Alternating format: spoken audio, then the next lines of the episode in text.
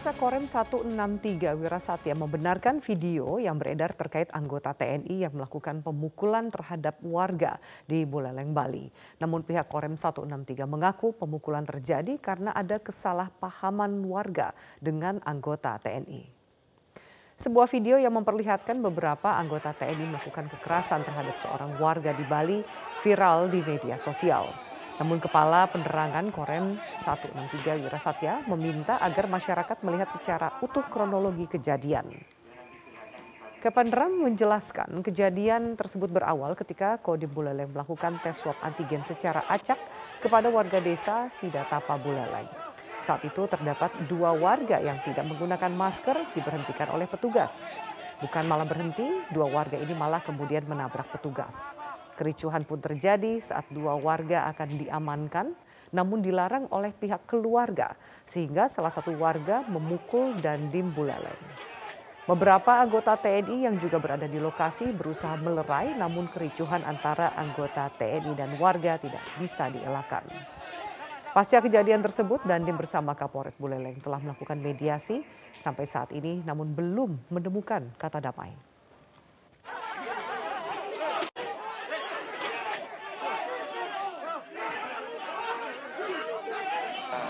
Yang kita dapatkan uh, bahwa semalam juga Komandan Kodim 1609 Buleleng sudah melakukan pelaporan ke SKPT Polres Buleleng terkait uh, kejadian yang dialami oleh Dandim uh, di mana dipukul oleh oknum masyarakat dan tidak saja Dandim ada tiga anggota TNI juga mengalami yang sama. Nah ini bagian dari proses hukum kita mengedepankan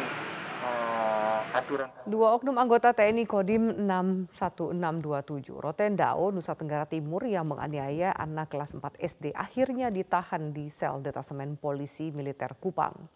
Dengan dikawal anggota Denpom, dua anggota TNI yang telah ditetapkan sebagai tersangka penganiayaan pagi tadi diperiksa oleh penyidik dan langsung ditahan. Sebelumnya penyidik telah melakukan olah TKP, pemeriksaan saksi dan telah melakukan visum terhadap korban. Penganiayaan terjadi karena korban yang masih duduk di kelas 4 sekolah dasar dituduh mencuri handphone milik pelaku pada 19 Agustus lalu. Pelaku kemudian mencari korban di rumah dan langsung memukulnya. Pelaku bahkan membawa korban ke rumah rekan pelaku yang juga adalah anggota TNI untuk diinterogasi dan korban kembali mendapatkan penganiayaan. Korban baru dipulangkan ke rumah orang tuanya esokan hari saat tiba di rumah, korban langsung pingsan dan dilarikan ke rumah sakit. Kasus penganiayaan terhadap anak ini mendapatkan perhatian serius dari Mabes TNI Angkatan Darat, bahkan hingga mengirim tim dari Pusat Kesehatan Angkatan Darat dan tim dari Dinas Psikologi Angkatan Darat untuk memeriksa kondisi korban. Akan pemeriksaan terhadap para saksi, termasuk saksi korban, ya juga mengajukan mengajukan visum korban sebagai alat untuk kelengkapan alat bukti untuk berkas perkara. Tim sudah sampai tadi malam di Kupang untuk uh, para tersangka juga sudah kita bawa ke Denpom untuk diproses hukum ya dan sudah kita tahan. Ada berapa orang nih bang yang kemarin? Uh, tersangka uh, dua orang untuk dari TNI-nya yang sudah kita amankan dan kita proses. Kita beralih ke informasi lainnya, polisi menangkap delapan anggota geng motor yang menyerang warga di Jalan Raya Rengas Bandung, Kabupaten Bekasi, Jawa Barat.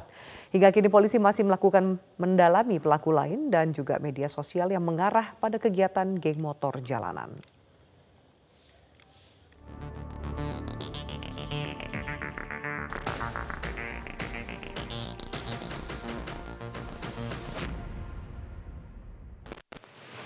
Polres Metro Bekasi berhasil meringkus delapan pemuda yang diduga sebagai pelaku penyerangan terhadap warga di Jalan Raya Rengas Bandung, Kabupaten Bekasi, Jawa Barat.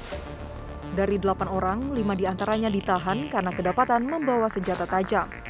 Kapolres Metro Kabupaten Bekasi Kombes Pol Hendra Gunawan mengatakan dalam aksinya para pelaku mengincar warga yang berkumpul pada malam hingga dini hari.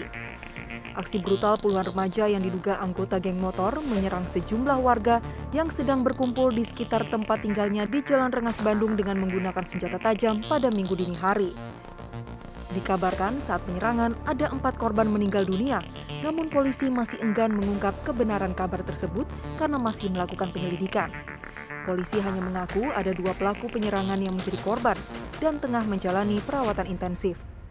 Kita amankan 8 orang, kita amankan 8 orang, ada lima orang yang terbukti membawa senjata tajam dan ini yang kita proses. Uang dan daruratnya dan kita kembangkan lagi. Eksekutor-eksekutor yang terlibat pada penganiayaan di tiga tempat. Ya, doakan semoga cepat terungkap. Dan kami masih mengembangkan terus kelompok-kelompok ini baik secara fisik lapangan maupun secara IT menggunakan teknologi. Ya, baik. Dan dari dua korban itu ada yang meninggal nggak? Dari dua korban. Nanti kita masih akan dalami lagi ya. Oke. Hingga kini polisi masih mengembangkan kasus ini dan berupaya mencari pelaku lain. Pasalnya aksi kejahatan di jalanan saat ini tengah ramai di media sosial, di mana ajakan berkumpul antar geng motor selalu diunggah ke media sosial oleh pelaku.